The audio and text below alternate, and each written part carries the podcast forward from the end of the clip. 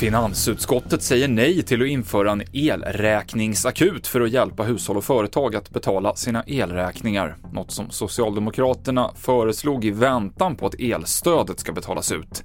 Enligt utskottet så finns det redan möjlighet för pressade kunder att höra av sig till sitt elbolag för att få dela upp fakturan.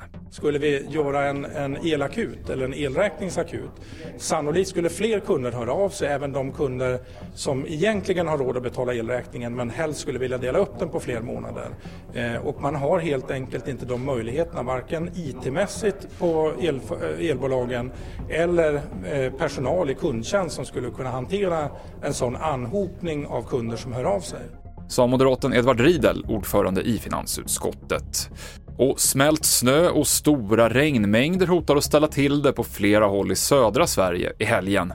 Värnamo har exempelvis bett om hjälp för att skydda centrum från stigande vattennivåer i Lagan och SMHI har utfärdat en röd varning, den högsta nivån, för sjöar mellan Borås och Ulricehamn och mellan Svenljunga och Tranemo. Det finns även gula och orangea varningar utfärdade för delar av södra Sverige. Det avslutar TV4-nyheterna. Jag heter Mikael Klintevall.